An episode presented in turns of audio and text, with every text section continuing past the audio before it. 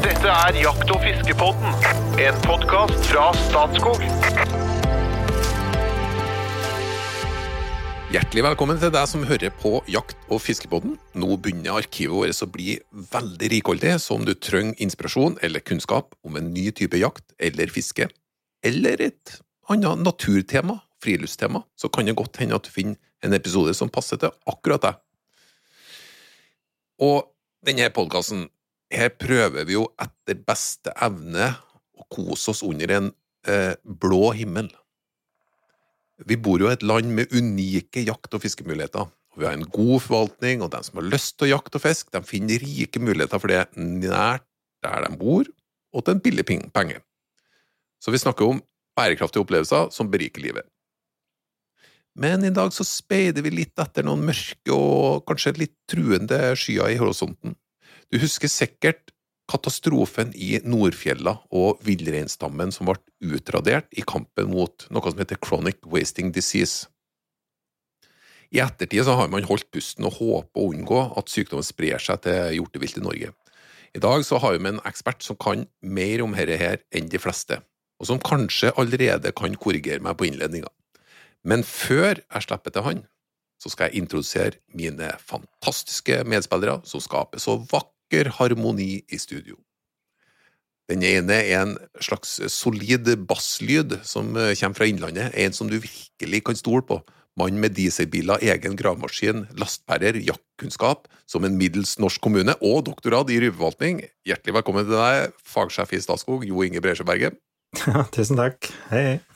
Og over til livskunstneren som spiller late, lyse toner langs livets landevei, mann som ikke lenger kaster stein på den amerikanske ambassaden, men som er en ordkunstner, forfatter, fluefisker og i tillegg informasjonssjef i Norges Jeger og Fisk.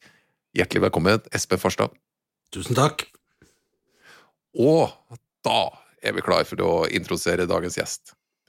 Han heter daglig seniorforsker innen vilthelse eh, i Veterinærinstituttet. Han har spesielt fokus på skrantesyke.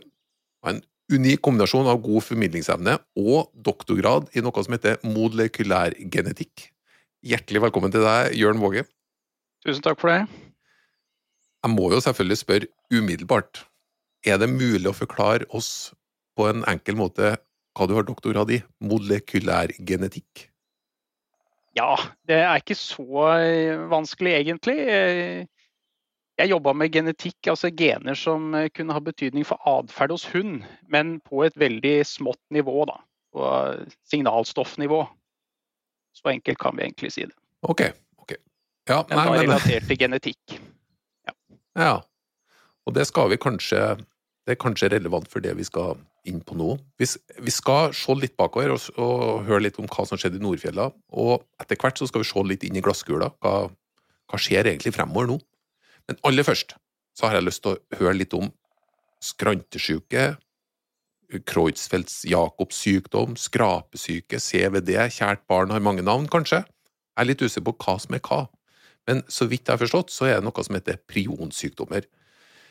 Kan du gi oss en litt sånn grunnleggende innføring av hva er det vi snakker om her? Ja, jeg kan forsøke. Eh, Det er jo som du beskrev flere sykdommer i den gruppa der sånn. eh, Prionsykdomfamilien. Eh, Og kort og godt så er det proteiner, altså kroppens egne byggesteiner, som går litt i krøll. Og som da ikke blir brutt ned, og som hoper seg opp. Og så gjør dette her, eh, den opphopningen skjer da spesielt i sentralnervesystemet, altså hjernen eh, som jo er en viktig styringsenhet på eh, alle dyr. Og når det hoper seg opp der, og du får ødeleggelse av hjernevevet, så går det utforbakke.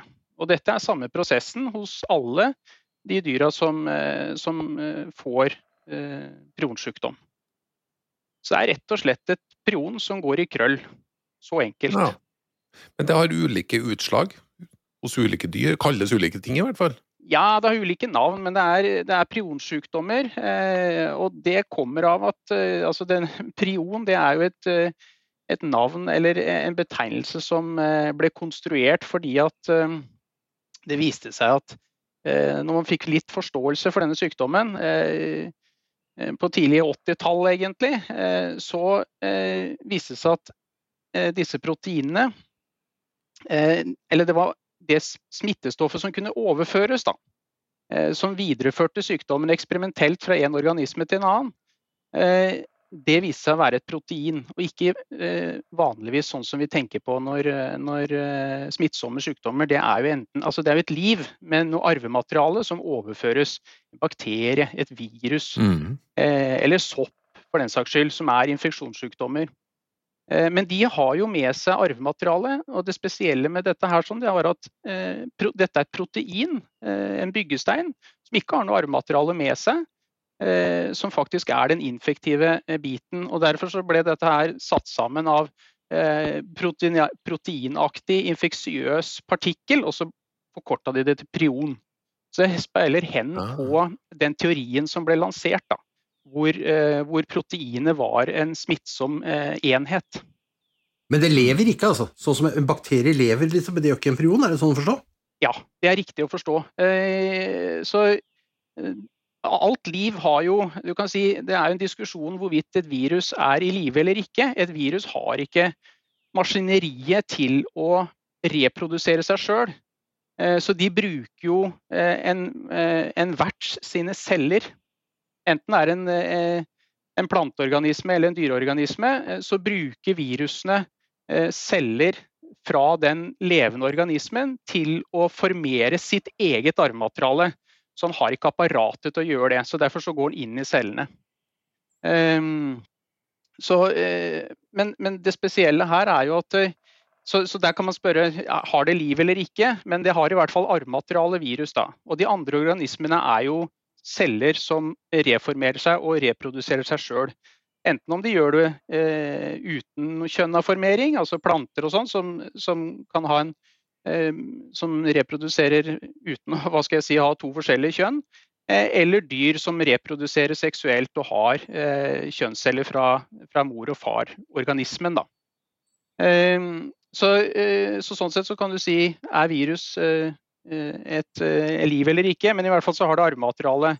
Mens disse proteinene de, de, kodes jo av kroppens arvemateriale. Mitt og ditt arvemateriale har koder som lager det vi kaller for prionprotein. Og det er det proteinet som endrer seg.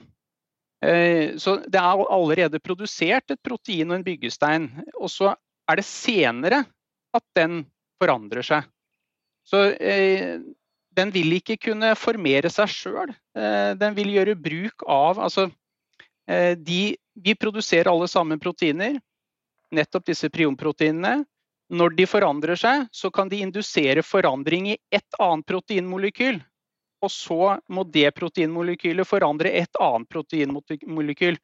Sånn at det er en sånn kjedereaksjon. Men hvis du ikke har det normale, vanlige proteinet til stede, så vil du ikke kunne utvikle prionsykdom. For da har du ikke noe å omdanne. Så i så måte så har det ikke eget liv. Mm, men apropos oss, er dette noe som er også smittsomt for mennesker? Ja, altså, vi har jo, som du nevnte innledningsvis, så har vi Creutzfeldt-Jakob. Heldigvis så er det en sykdom som ikke har opptrådt smittsomt hos mennesker. Det er en eh, den er blitt overført. Vi kaller disse prionsykdommene går også under en annen fellesbetegnelse, TSE. Altså Transmissible Spongiform Encephalopati. Det betyr egentlig bare at man har en overførbar hjerneødeleggelse. Det er en betegnelse. Og i den forstand at hvis man får et sånt prion inn på den rette plassen, hvis du pumper et prion inn i hjernen på en organisme, et pattedyr, så vil eh, du kunne utvikle sykdom. Men vanligvis så kommer ikke disse proteinene inn i den hjernen. Derfor så sier man at de er overførbare, men de er i utgangspunktet ikke smittsomme i den forstand at eh, hvis jeg tar på deg og du er syk, så får ikke jeg Creutzfeldt-Jakob. Men hvis eh, noen har satt en, et instrument inn i hjernen din hvor du har prioner, og setter den inn i hjernen min, så vil jeg bli syk. Så I så måte så er den overførbar, men ikke smittsom i, i, vanlig forstand. Og Det er litt spesielt, og det gjelder alle disse prionsykdommene. da. Men, men fra dyr til menneske så kan det skje? Altså, det som var spesielt for det eh, kugalskaputbruddet i Storbritannia på 80-tallet, det resulterte i noe vi kaller variant Kreutzfeldt-Jakob. Det er kugalskap på mennesket.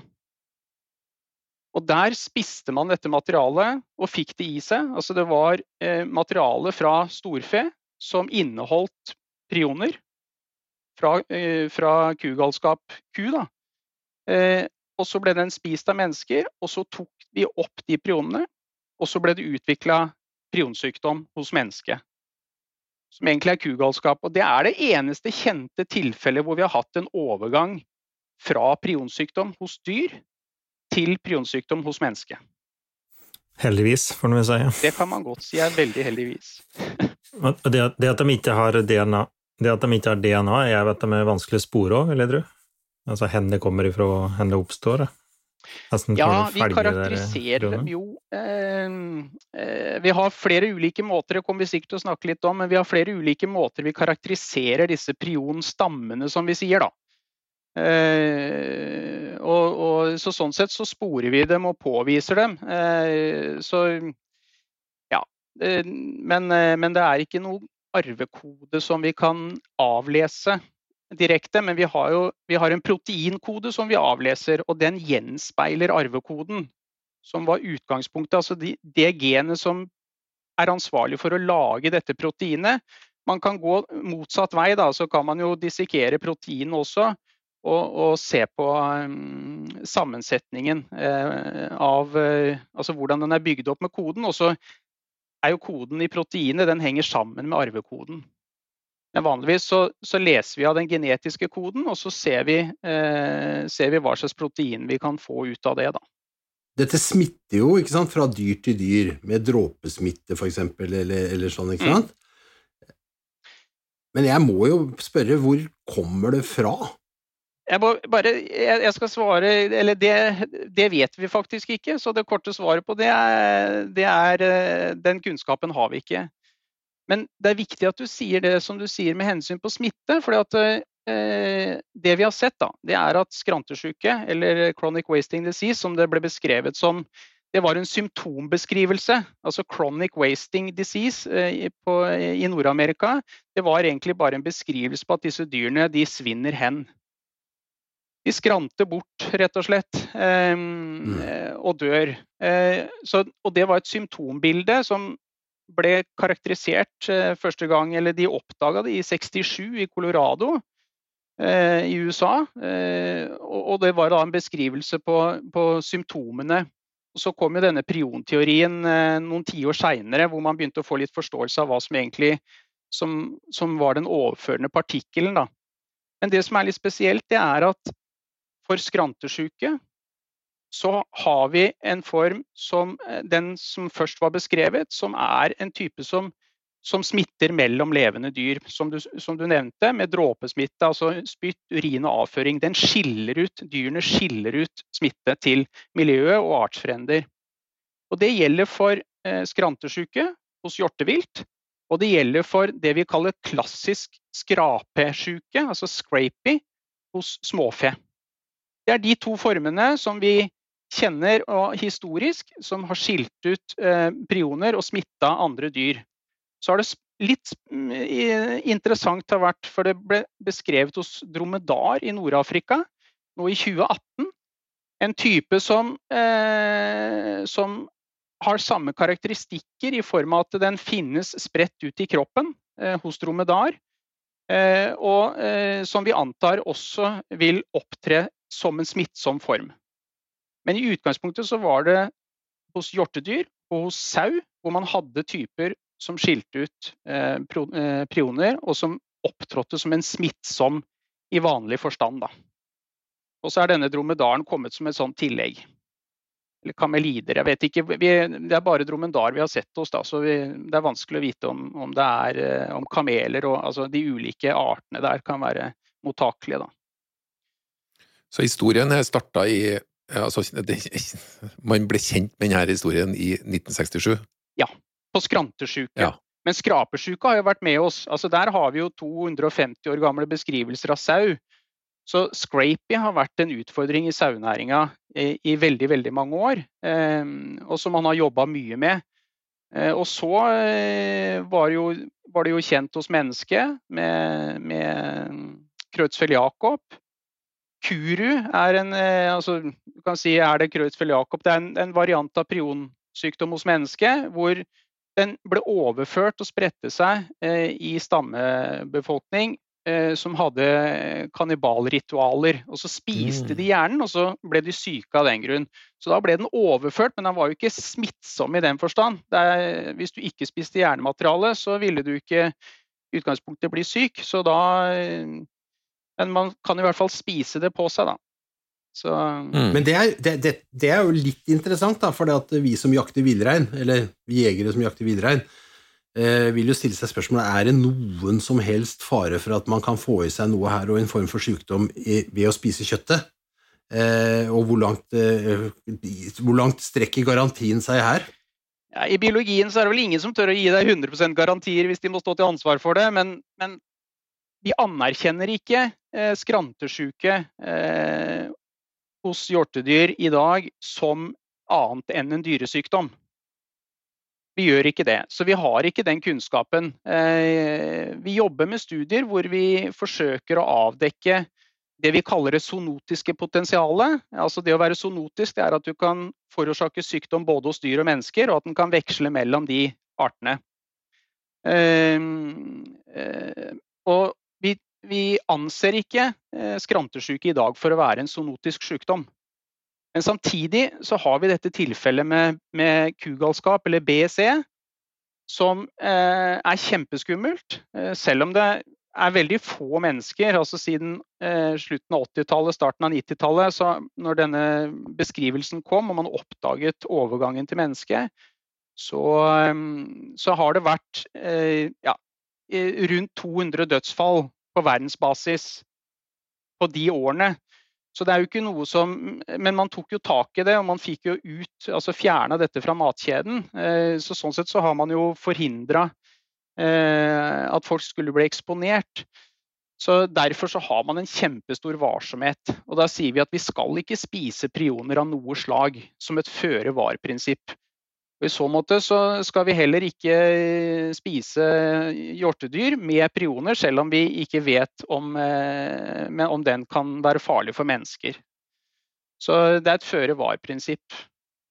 Men muskulatur Vi har jo eh, Vi jobber jo med det, men eh, etter at vi fikk avdekket dette i Norge, så, så har vi jo forsøkt å undersøke. og enn så lenge så har vi ikke resultater som sier at det er eh, prioner å finne i muskulatur eh, hos norsk hjortevilt.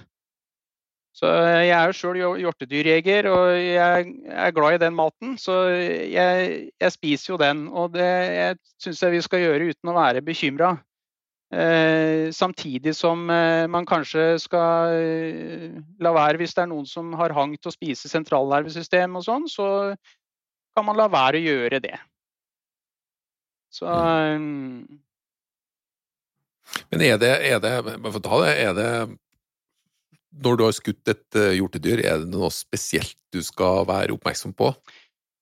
Nei, jeg tenker eh, altså Der skal man ha generell slaktehygiene. Eh, som veterinær så er det klart at jeg er jo litt opptatt av det. Eh, selv om jeg kanskje glemmer det litt når jeg sjøl er jeger og har med meg en kniv på skogen. Men, men, jeg tenker i forhold til skrantesjuke, så skal man være flink til å ta prøver. Man skal forsøke å gjøre det ryddig og reint. Og så tenker jeg at det kan være fornuftig å la være å ha noe tendens til å spise sentralnervesystem. Men utover det så skal det jo ikke være noe eh, spesielle hensyntagen i forhold til skrantesjuke, sånn som det er i dag. Og nå er det jo veldig mye dyr som testes. Så eh, det, og da, hvis du først tester dyret, så tenker jeg da er det fornuftig å avvente til du får svar på en sånn test før du konsumerer. Mm. Men er det en spesiell årsak til at du tester et dyr, eller er det et visst antall som skal, andel som skal testes? Altså, er det noen indikasjoner som, du, som gjør deg ekstra årvåken? Altså, eh, det gjelder jo altså, det vi kaller fallvilt. Da.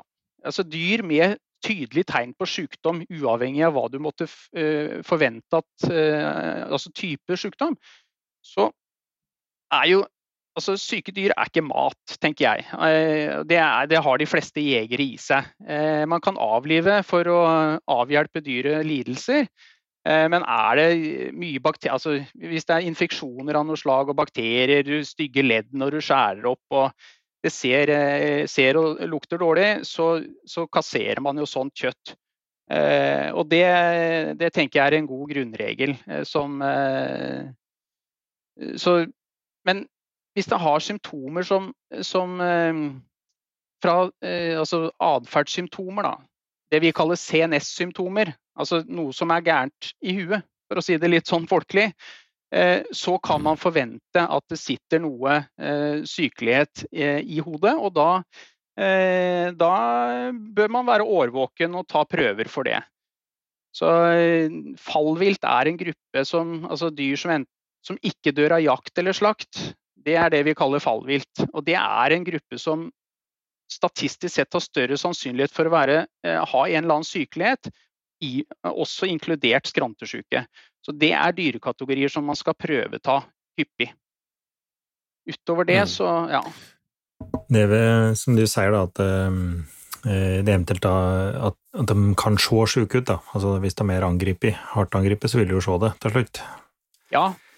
Så, men, eh, men, du vil jo ikke se på et dyr som er i inkubasjonstid, så vil du ikke se at de er syke nødvendigvis. Nei, det er helt riktig, og det er litt av utfordringen med dette her. At, eh, og det var jo en utfordring å kommunisere når vi eh, var nødt til å fjerne all reinen i Nordfjella også, i sone 1.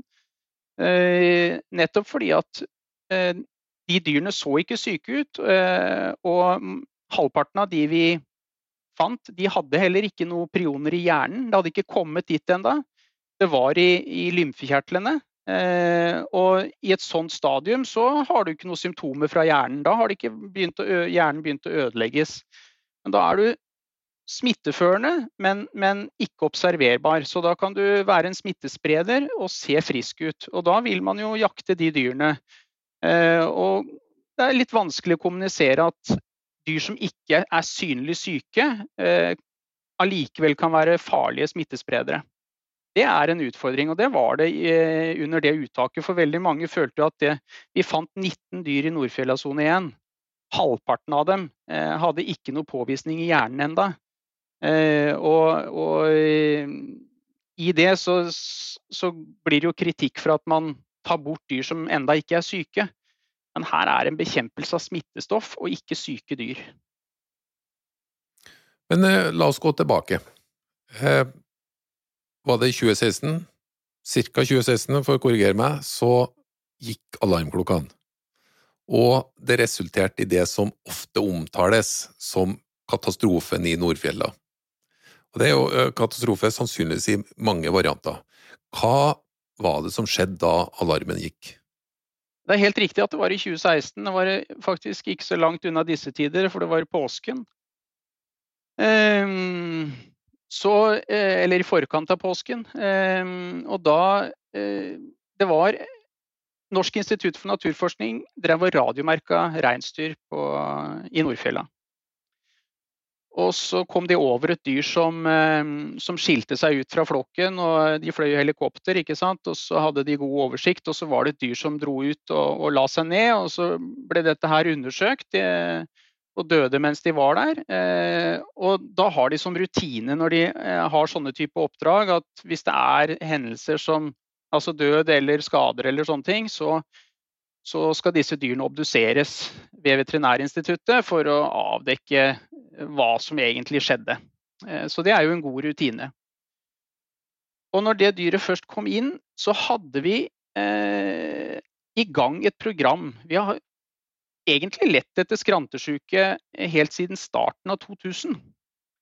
Eh, fordi at det har, eh, altså dette med BSE og overgang til menneske og sånn, eh, satt jo et veldig fokus på prionsykdommer. Og vi hadde et overvåkingsprogram både for kugalskap og scrapy på småfe, men også skrantesjuke hos hjortedyr.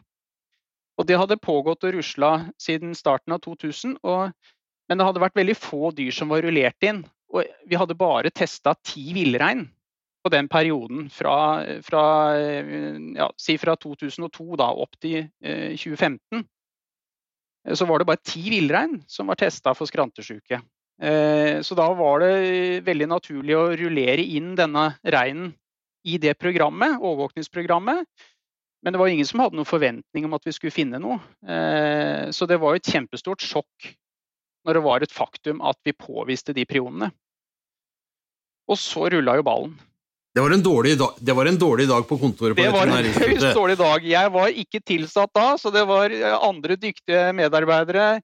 Eh, Turi Vikøren, som var, eh, er en kjempedyktig viltpatolog, eh, tok denne prøven, og det ble ruller, rullert inn på laboratoriet. og og uh, Sylvi Benestad som er laboratoriesjef der. og det, det, det var, De hadde store kvaler i, i den perioden og, og, følte jo at de måtte forsikre seg 110 og 20 og 30 med dette her, sånn, nettopp fordi at eh, det ville jo utløse et ragnarok. Eh, som det jo gjorde. Eh, og det, Bakgrunnen for den forståelsen var jo historikken fra Nord-Amerika. Men, men, her dukker opp et spørsmål som jeg Dette er veldig viktig. Fordi at dere hadde altså iverksatt et slags overvåkingsprogram også på hjortevilt fra 2002 omtrent, og har tatt inn noen få dyr. Eh, og så kommer vi til 2016, og så finner dere det første dyret. Den som leter, finner. Ikke sant? Det er noe med at kan dette ha vært her før? men at vi nå oppdager det fordi vi har begynt å lete? Det spørsmålet er veldig viktig, for det er jo mange som mener det, for det vil jo innvirke på bekjempelsesstrategien. Hvis man, hvis man liksom skulle ha et litt sånn eh, hva skal jeg kalle det, fatalistisk, pragmatisk tilnærming til dette og si at ja, men dette har alltid vært der, det er bare det at det er nå vi finner det, for det er nå vi har lett etter det, så vil jo det kanskje ha en annen effekt på hvordan vi skal bekjempe det, eller hvordan vi skal behandle det, på en måte, enn det vi har gjort nå. Ja, det er definitivt et viktig spørsmål som vi eh, altså, Det er litt avhengig av hvilket tidsperspektiv man har. Eh, I Nord-Amerika så ble dette oppdaget eh, første gang i 67. Eh, fram til ca. 2000 så var det vel eh, tre-fire stater som eh, var involvert med skrantesjuke i Nord-Amerika. I dag er det 26 stater i USA og tre provinser i Canada Eh, så, og den utviklingen har skjedd de siste 20 åra. Eh, så kan du si at eh, det er ikke sannsynlig at den villreinen som vi fant og avdekka skrantesjuke på i 2016, var det aller første tilfellet ever. Det er ikke trolig, for dette er en sykdom som tar tid å utvikle seg. Den er treig. Den er treig å utvikle seg i selve dyret. Eh, en inkubasjonstid som, er, eh, som kan være opp i to år, ikke sant. Eh, og så er det i tillegg så, så, er det en sein utvikling, det er en sakte spredning. Så det er ikke, det er ikke som koronavirus som svosj over. så det vil være en, en treg utvikling. Men hvis vi hadde hatt skrantesjuke i denne smittsomme, for vi skal snakke litt om det seinere, vi har jo litt forskjellige typer. Men denne smittsomme varianten som vi, som, og stammen som vi eh, fant i Nordfjella, hvis den hadde vært der i eh, århundrer, så hadde eh, er det veldig veldig usannsynlig at ikke vi hadde sett effekter av den. At den har vært der eh, tilbake noen tiår, det kan eh, være sannsynlig når vi ser og forstår utviklingen av den sykdommen. Eh, og eh, det som var spesielt, det var jo at vi, vi tok på sett og vis Vi, vi traff. Eh, vi hadde jo flaks i uflaksen. altså Det å finne det eh, første tilfellet vi fant, det har jo utløst masse arbeid og, og problemer, eh, selvsagt, for, eh, for hjorteviltet og forvaltningen. Men samtidig så hadde det vært usannsynlig trist hvis ikke vi hadde gjort det. Nettopp fordi at vi klarte å kuppe den eh, utviklingen på Nordfjella med å fjerne de dyra som bar smitte, før den har fått etablert seg, forhåpentligvis. Altså det er klart Dette med Hardangervidda er kjempeproblematisk. Men den smitten Vi må forvente at det er en begrensa miljøsmitte på, eh, i terrenget i Nordfjella. Eh, og det er jo fordi at eh, vi greide å kvitte oss med den smitten så vidt tidlig. Halvparten av de dyrene hadde ikke fått det til CNS, altså til, til hjernen enda. Og I det så ligger det at i hvert fall hos de dyrene så var dette i en tidlig fase. Og Forståelsen vår er at altså forekomsten, litt avhengig av eh, om du snakker om bukkesegment, simlesegment på, eh, i Nordfjella, så, så, snakker vi jo eh, eh oppi ja, 1-2 eh, forekomst. Eh, og det betyr at vi tok det på et tidlig tidspunkt. Og vi, vi fjerna muligheten for at vi skulle få nedsmitta miljøet og en sånn vedvarende smitte. For det er det som er utfordrende. I starten så smitter dette dyr til dyr. Men når, når du har greid å smitte ned miljøet over litt tid, så begynner plutselig denne infeksjonen eller eh, sirkelen å, å, å, leve sitt eget liv også gjennom miljøet. Eh, og da, ikke, da, greier du ikke å ta det bort. Det er ikke så veldig lett å, å varmebehandle hele fjellheimen med 1000 grader. Så, og, og det, er nest, altså det, er kjempeutfordrende å ødelegge disse proteinene sånn at ikke de ikke er smittsomme lenger. Så Sånn sett så var vi heldige med å, å, å klare å, å, ta det ut tidlig.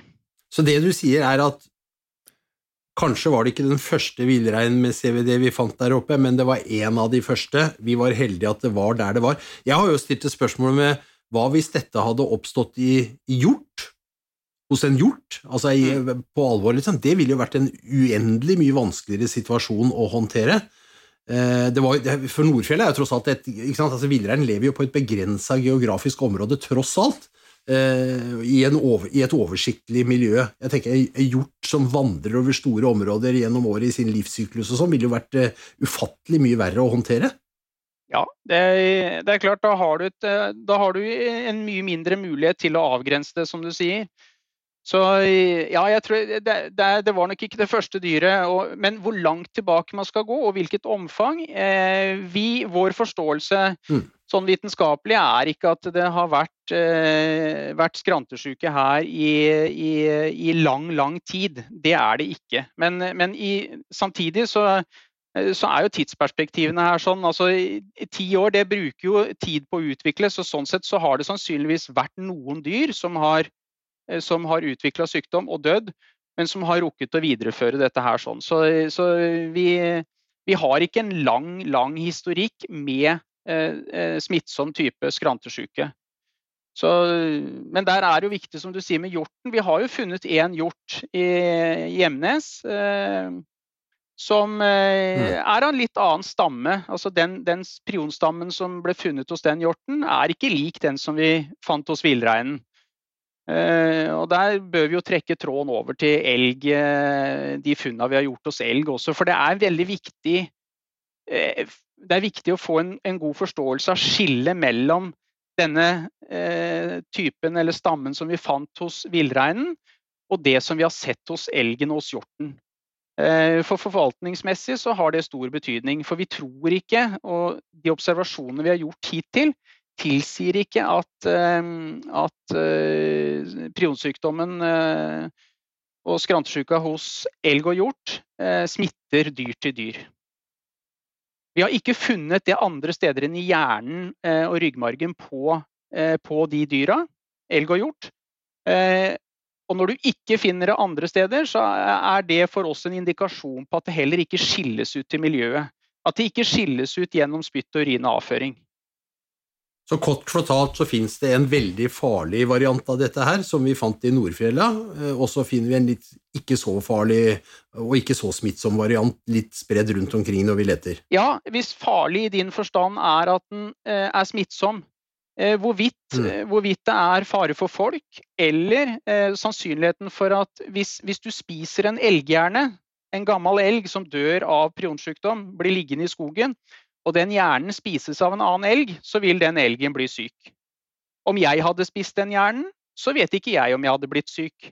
Det er stammer som vi ikke har karakterisert før, og som har vært ukjent inntil vi i 2016 i Norge beskrev dette hos elg. Det har aldri vært, vært vitenskapelig dokumentert på den måten tidligere. Men vi har det hos sau.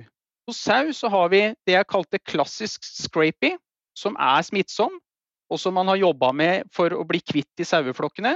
Og så har man det man kaller eh, NOR98, eller atypisk eh, skrapesjuke, eh, som eh, er en spontan oppstått variant.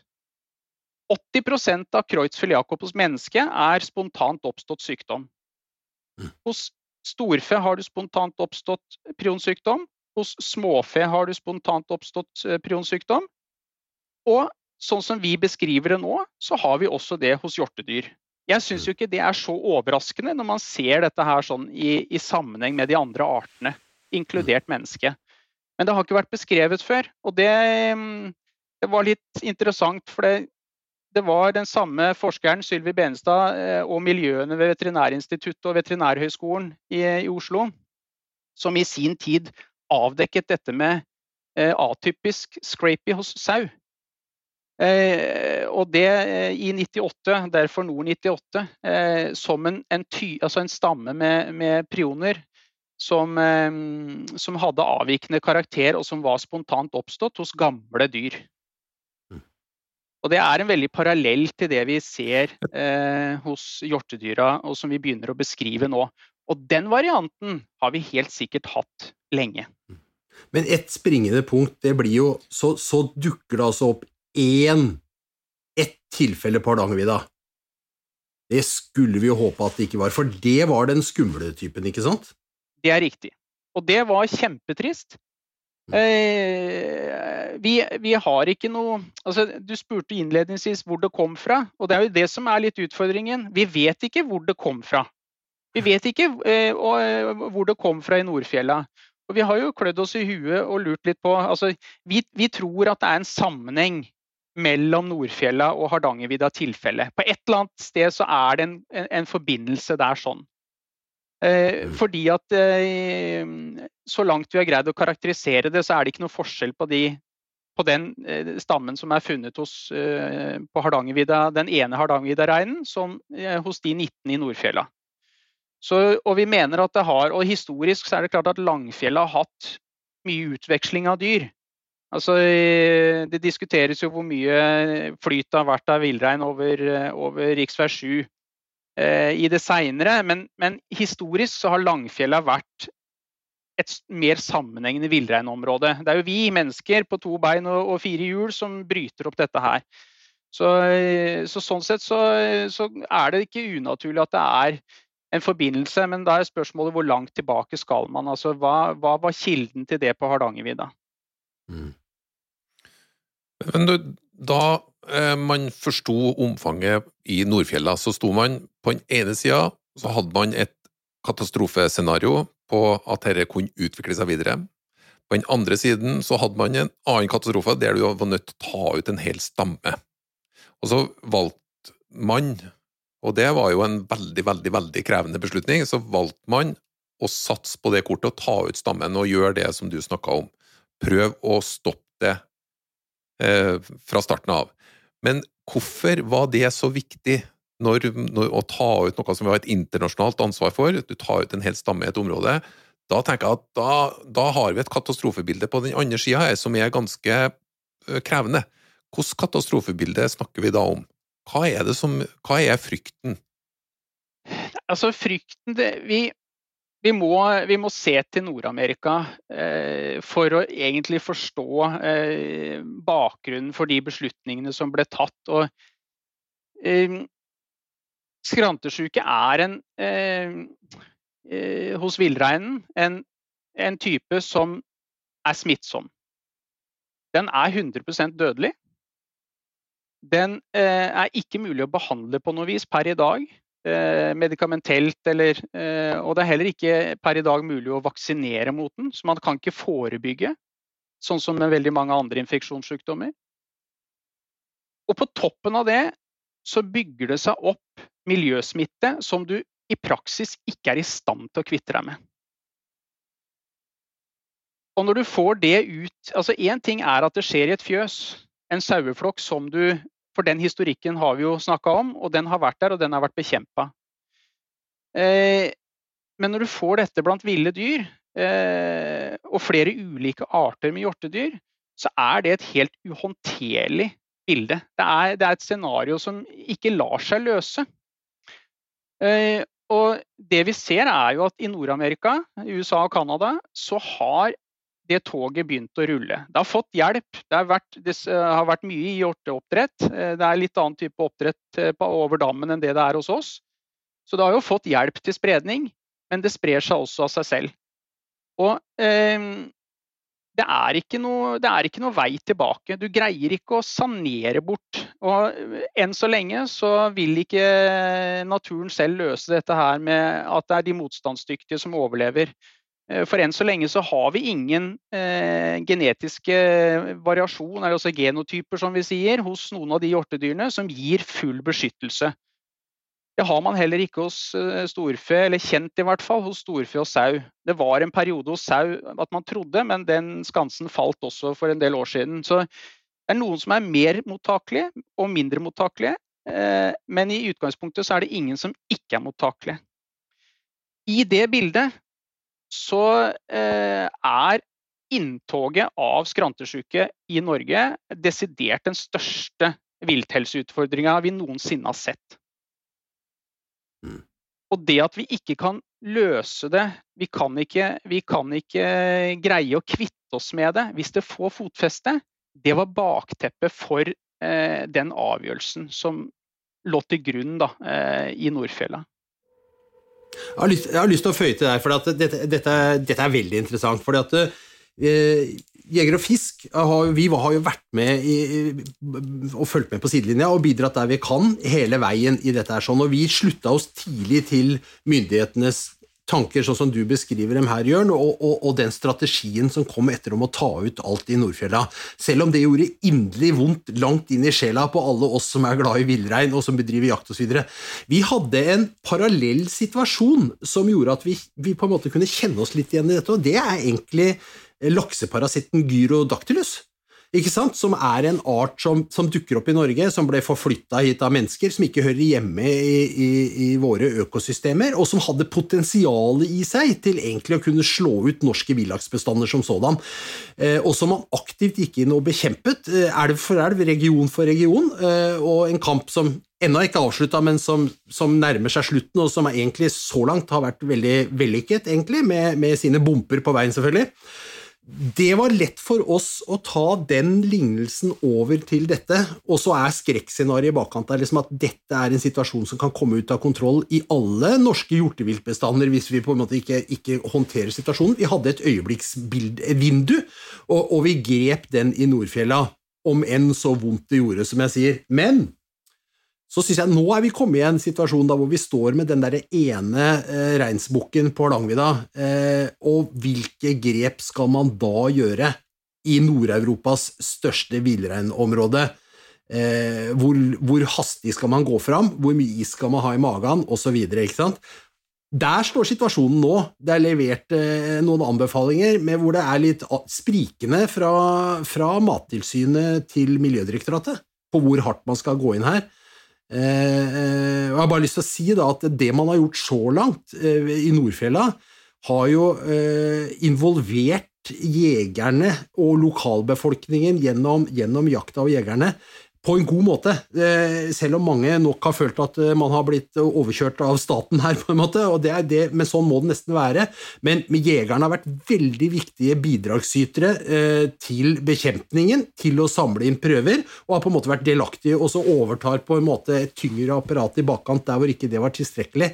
Men eh, å dundre inn Hardangervidda nå, med, med, Statens naturoppsyn, eh, liksom, og, og, og, skulle ta det her det, Dette begynner å bli vanskelig. Så vi står ved et lite sånt eh, forvaltningsmessig skille med noen store spørsmålstegn i lufta her nå, sånn som vi ser det. Mm. Mm. La, la, meg få, få bore enda litt, litt, mer i det katastrofescenarioet. Hvordan er situasjonen i Nord-Amerika? Er hjorteviltstammene i ferd med å bli utrydda? Altså, er, er, vi, er, vi, er, det det som er eh, et mulig endepunkt der? det er jo ingen forunt eh, å vite hva framtida skal bringe, eh, heller ikke på sånne ting. Er, vi, vi, tolker jo fortida og, og, ser hva vi har, og så forsøker vi å tegne et bilde av mulige scenarioer og mulige utfall. Og så agerer vi på det, nettopp fordi at vi ikke kan se inn i krystallkula. Og eh, I Nord-Amerika, eh, som jeg sa, så har det vært en formidabel utvikling eh, i spredning eh, de siste 20 åra. Altså den har på sett og vis fått enda mer fotfeste. Eh, og det begynner å komme vitenskapelige publikasjoner som beskriver tilbakegang i enkelte bestander. Det er klart, det er jo store kontinent, altså det er et stort kontinent, det er store områder, det er ulike arter. Og vi, Eh, når vi, skal, når vi skal, forvalte det, eh, og vi, vi forvalt, skal forvalte på en, en begrensa kunnskap, så lager vi ting litt svart-hvitt. Vi må det nesten, for ellers så, så, er det ikke mulig å kunne lande konklusjoner som nettopp er så dramatiske og omfattende, sånn som uttaket i Nordfjella var. Mm. Um, uh, og da må man gjøre det litt svart-hvitt. Men hvis du, man skal svare kategorisk, så, så må man nyansere, og, og da må man si at man vet jo ikke konkret hvordan det vil gå. og Nord-Amerika er som sagt eh, mangefasettert. Eh, ulike arter, ulike populasjoner. Men observasjonene er at eh, noen av bestandene har begynt på en tilbakegang. Hvorvidt det vil skje ting i framtida som endrer det bildet, det får vi jo bare håpe at det er. At ikke det er et tog som, som går den veien. Men sånn som det er i dag, så er den skyen kjempemørk og tung. Eh, og eh, mm. hvorvidt eh, Altså det, det, som skjedde i Nordfjella Vi, vi fjerna den desidert største smittekilden vi hadde. Kjente smittekilden vi hadde til skrantesjuke og prioner blant villrein. I så måte så har vi satt historikken tilbake, smittehistorikken tilbake eh, nesten til null, hvis vi håper og tror at det er begrensa med miljøsmitte i det området. Eh, da har vi på sett og vis bekjempa der, samtidig som, eh, som, det jo sies og forstås at jo, man lyktes ikke, nettopp fordi at vi finner et tilfelle på Hardangervidda. Eh, og jeg er jo enig i at man lyktes ikke i å kvitte seg med skrantesjuke fra Norge, eller skrantesjuke hos villrein, smittsom form. Men man lyktes med å ta bort den smitten som definitivt ville kunne ha eh, forårsaka en spredning. Og så er det denne utfordringen på Hardangervidda som er, eh, som, det, som, det, sies her også, en viktig, stor delbestand av eh, de siste restene, hva får man si, av eh, reinsdyr som har eh, traska rundt i Europa. Og eh, da er det jo altså, eh, Som du sier, det har, det, har, det har, kommet en anbefaling fra direktoratene, altså Mattilsynet og Miljødirektoratet til departementene. Det, dette skal tygges på, det skal tas noen overordna forvaltningsmessige beslutninger. Men utfordringen som, som, ligger i det, er jo at man vet ikke. Altså, hadde man visst at ved å ta bort eh, Langfjellareinen, så hadde man skjerma alt annet hjortevilt i Norge, inkludert eh, tamrein. Altså rådyr, elg, hjort og tamrein. Og de nordlige villreinstammene i altså, eh, Dovreområdet som har litt altså Det er jo ulik genetikk også på de ulike altså Langfjella har en annen genetikk enn en eh, de mer nordøstlige. Hadde man visst at det var løsningen, eh, så tror jeg kanskje at hadde man lagt alt på vektskåla, så man sagt at tar vi det tidlig, sånn som det er nå, eh, og vi ikke får bygd opp en miljøsmitte, så, og, vi, tar bort reinen, så er vi 100 sikre på at vi har kvitta oss med det. Og vi kan reintrodusere rein igjen der sånn, og så har vi et friskt Langfjella og en frisk reinbestand. Så tror jeg kanskje vektskåla hadde vært tyngre med all rein hjort altså tamrein, eh, hjort, elg og rådyr enn akkurat Hardangervidda-reinen. Men utfordringen er at vi vet ikke. Det er disse åpne spørsmålene. Vi, vi, vi, vi kjenner ikke kilden. Mm. Mm. Vi kjenner ikke helt utviklingen. Vi vet ikke eksakt hvor mange det er. Vi har testa over 4000 dyr på Hardangervidda. Vi har funnet ett dyr. Eh, og vi vet gjennom det at forekomsten ikke er veldig høy. Men vi vet ikke eksakt hvor lav den er. Og vi vet ikke sikkert om smitten er forbeholdt Hardangervidda, eller om man allerede har spredt seg ut. I det så, så blir den store hodepinen hvor, vits, altså hvor eh, omfattende skal man gå til verks med å ta bort rein på vidda, gitt at man ikke har disse andre svarene og 100 sikkerhet. Det er, det er, det som er det store dilemmaet. Og selvsagt, altså eh, villreinen. Altså, vi ønsker jo reinen. Eh, både for reinens skyld og for menneskenes skyld på Hardangervidda og all kulturen. Alt dette som vi, som vi, er så glad i og som vi vil ha. Eh, så, så, vil vi jo gjerne lukke øynene og tenke at jo, men nei, vet du hva, det kan ikke være så ille. Vi, vi må kunne komme ut av dette på, en, på, et annet vis. Men det er en, en, en stor utfordring. Og eh, det som man kanskje ved å ikke eh, klare å, å, gjøre en, hva skal jeg si, en, en grundig nok eh, smittesaneringsjobb da, med et stort nok uttak og mange nok tiltak hindre at det er eh, forbindelse mellom dyr som kan ta med seg smitte ut og sånn, så kan vi risikere at vi får dette fotfestet som en gang skjedde i Nord-Amerika. Så Det er jo en litt umulig oppgave. På den ene siden så vet du ikke om du vil lykkes, på den andre mm. siden så har du så mye som du er redd for å forsake, for det er så betydningsfullt. Både historisk ansvar eh, internasjonalt, det kulturelle eh, og reinen i seg sjøl. Så skal du holde det opp mot noe du ikke egentlig vet utfallet av. Det er, det er utrolig vanskelig framtidsspåing. Mm. Eh, hvor man på sett og vis eh, lander Det blir alltid kompromisser. Det vil det være nettopp når det er usikkerhet. og, og sånn som ok, Det ble en overkjøring i anførselstegn fra staten i Nordfjella. Eh, det er klart at det er ingen som, som frivillig eh, altså De som sitter nærmest og det, tar det største tapet, er aldri de som, som klarer å, å, si at nei, men vi vet hva, vi brenner hele greia det er, det, det, må, det, er, noen som må ta et overordnet ansvar og, ta sånne beslutninger. For det er ikke, er ikke oss mennesker forunt å, på individnivå å klare å ta sånne avgjørelser. Så det blir jo en form for overkjøring. Men det blir det samme her. Men da blir det kanskje eh, altså Nå har jo staten altså Enn så lenge så har jo Mattilsynet og Miljødirektoratet gått inn og anbefalt til departementene at det skal jaktes på Hardangervidda. Eh, det har vært eh, hørt og, og vedtatt en, en, stor kvote på Hardangervidda. Eh, hvor jakt mm. skal eh, ta ut. Eh, og det har vært sagt at ikke det skal eh, tas ut dyr gjennom statlig uttak før jakta er gjennomført, og man har evaluert volumet av det, og eventuelt hvilke svar man får på prøvetaking underveis. Så det er, sånn, det er egentlig en helt mm. umulig oppgave. Altså, var vi godt nok forberedt til korona, eller var vi det ikke?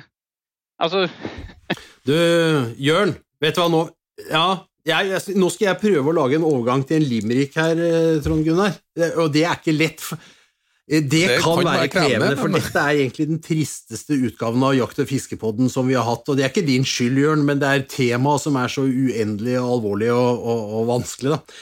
Og disse limerickene er jo ment som et sånt kunstnerisk og humoristisk innslag her. Sånn er, og jeg har ikke så veldig lyst til å spøke med dette, egentlig, for jeg syns det er alvorlig. Så heter, denne, denne, lille limericken her heter En trist historie om skrantesyke, eh, bare for å ha sagt det. Skrantesyke er for øvrig et veldig fint navn, syns jeg, fordi vi kjenner jo ordet å skrante fra før av, og det er veldig beskrivende. Så, så vi må slutte å si chronic wasting disease når vi ikke er i internasjonale miljøer. Når vi er i Norge, så kan vi kalle det skrantesyke. Men eh, jeg bruker det jo selv, da. En eh, staselig storbukk innpå hegn var som praktbilde av en vill og flott rein. Men en dag var det stopp, han kom ikke opp på en topp, han fikk CVD og hadde skrantende bein. Så den var trist, hører du. Ja. ja. Trist og vakkert ja, samtidig, vil jeg si, Espen. Men du Jo Inge, jeg skal ja. høre litt, eh, for Du har jo gjentatte ganger snakka litt om at eh, Norge har en av verdens tetteste hjortehvittstammer. Jeg vil jo kanskje tro at det er er både et utfordringsbilde og noe som er oppi den vektskåla som en Jørn snakker om. Hva tenker du om det du hører her nå, som Jørn forteller? Nei, vi er jo veldig bekymret, da, først og fremst. Um, og så er det i denne grad det smitter over til andre hjortedyr. Slik som i Nordfjellet, så har du jo du har hjort innom der. Eh, det ble jo på salting, eksempel salteplasser. Riktignok for sau, da, men uh, da ser du at hjorten den er over der. Den trekker over her og er i samme område, og du vil få elg delvis inn i samme område. Og får du da smitte i miljøet, og det her smitter av elg og hjort, så er det, er du, da kan du ikke hoppe på mirakel lenger, da er du jo på den da er du på den galeien som eh, Jørn sier, da, da, er det jo smitte her, sånn som vi gradvis vil bygge seg opp, og vi veit ikke ennå på det. Og det vil jo bety eh, på lang sikt, da, at eh, slik det ser ut nå, er det en slags endelikt, da, for det hjorteviltet vi har, og, og, de stammene vi har, da, i ikke bare i Norge, det vil jo etter hvert kunne spre seg til andre områder da, i Skandinavia. Så det er ganske alvorlig. Det er ganske alvorlig i USA. Jeg ser det der bildet der. Det har gått ganske lenge, og så får du den nærmest ketsjup-effekten. Det er jo nå først du ser de store effektene av det de oppdager på 60-tallet. Og vi har jo helt en annen kontroll, en annen eh, skal vi mer regimetru, da, ha en mer statlig styring. Bare se på korona. Vi er jo vi er ganske lette å lede i Norge. Og, og selv om det var en overstyring i Nordfjellet, at noen føler seg overstyrt, så er det vi har, vi har tross alt gode systemer og en eh, god kontroll, og vi er, vi er lovlydige og følger de uh, pålegg som blir lagt. Da. Så slik sett så er det enklere å, å ta grep, å ta alvorlig grep i Norge antageligvis enn det er i USA. Det vil jeg tro.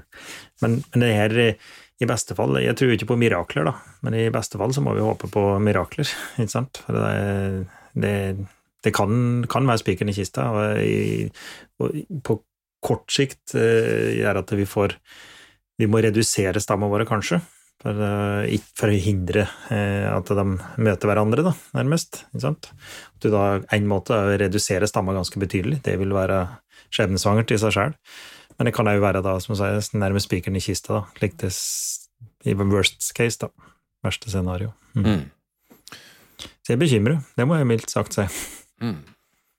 Nei, men det er jo en eh, ja, det er en eh, mer bekymra utgave av Jakt- og fiskeboden enn vanlig. Eh, vi skal likevel gå ned for landing på omtrent samme måte som vi alltid gjør, men jeg har et par, et par spørsmål før vi går helt ut.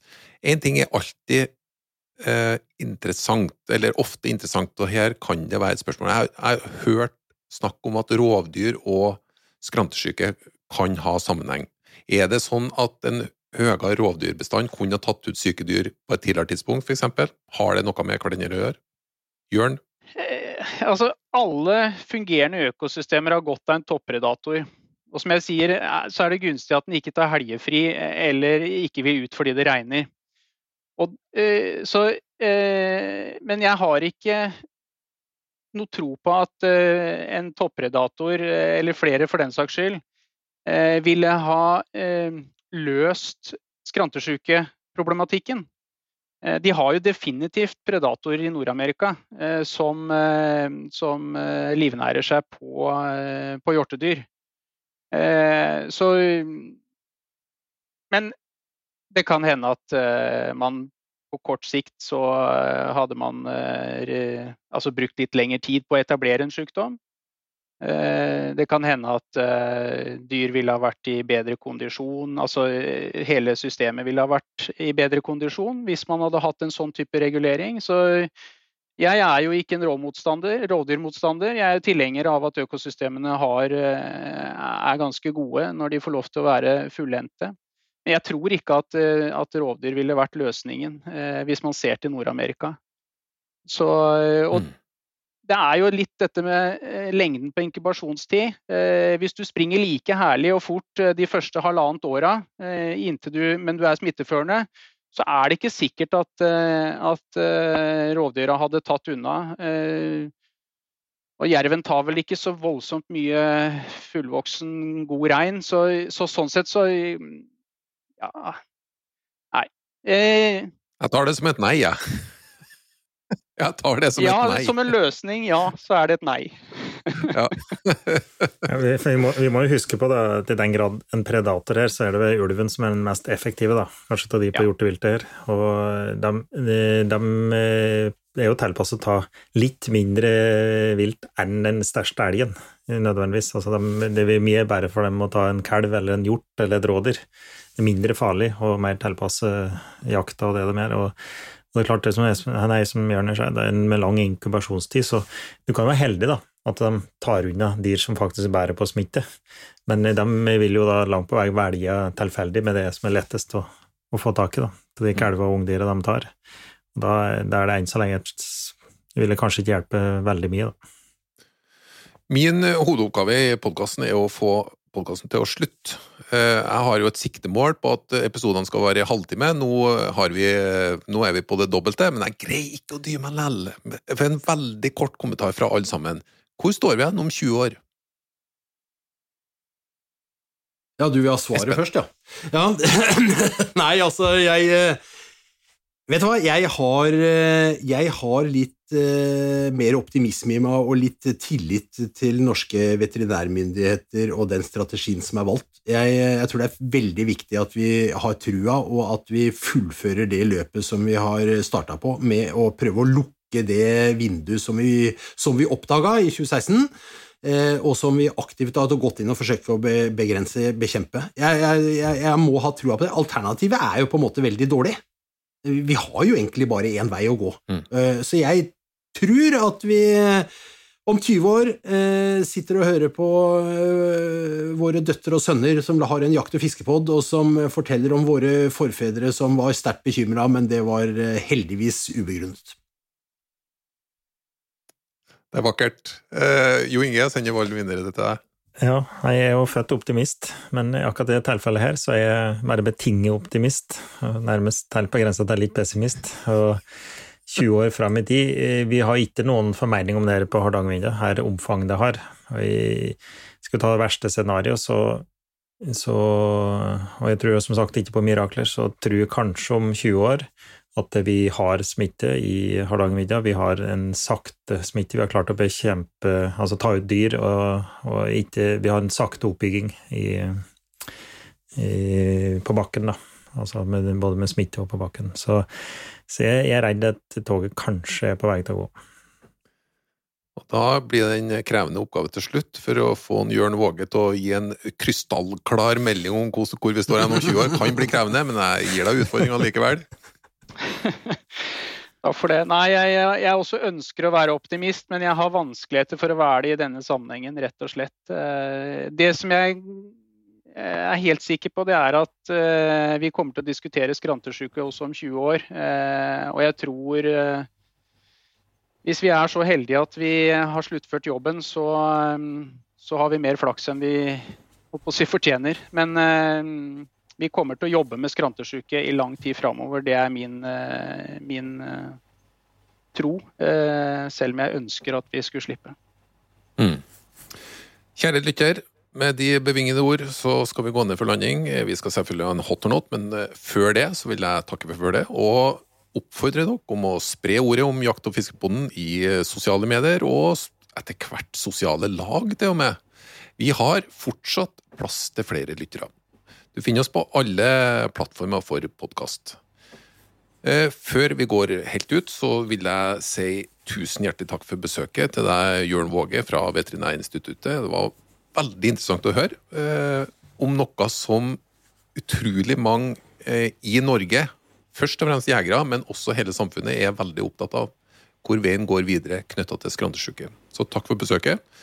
Før vi går helt ut, så skal vi ha en hot or not. Og rekkefølgen på det Da skal vi sette gjesten i front der nå. Så Jørn, du skal svare først. Og så skal Jo Inge svare. Og så skal Espen svare. Er dere klare? Ja. Ja, vi Følger ikke rekkefølge i det hele tatt. Men eh, vi starter. Nordlandsbanen til Troms, hot or not? Hot. ja hot. Hot. Ja, tre hot. Cruiseskip i Geiranger, hot or not? Not. Not. Not. Og tre not. Formuesskatt, hot or not? Not. Er hot. Ja, klar hot. Ja, da drar jeg til med en til. Um, arveavgift. Hot or not? Hot. Hot. Hot. Ja, tre hot. Laksefiske i Namsen. Hot or not? Hot. Hot. Not. Ja. Og det var da Espen Farstad som sa not til laksefiske i elvenes dronning i eh, Namsos. Eh, vi går videre til seljakt. Hot or not? Eh, Hot. Ja, hot. Hot. Ja. Ok, og da tar vi en siste avgjørende. DDE-låta Skitkjerring. Hot or not? Jeg får si hot på den, jeg kjenner den ikke godt. Ja! Klar not. Det var hot på alle sammen. Takk for det, og velkommen tilbake neste fredag.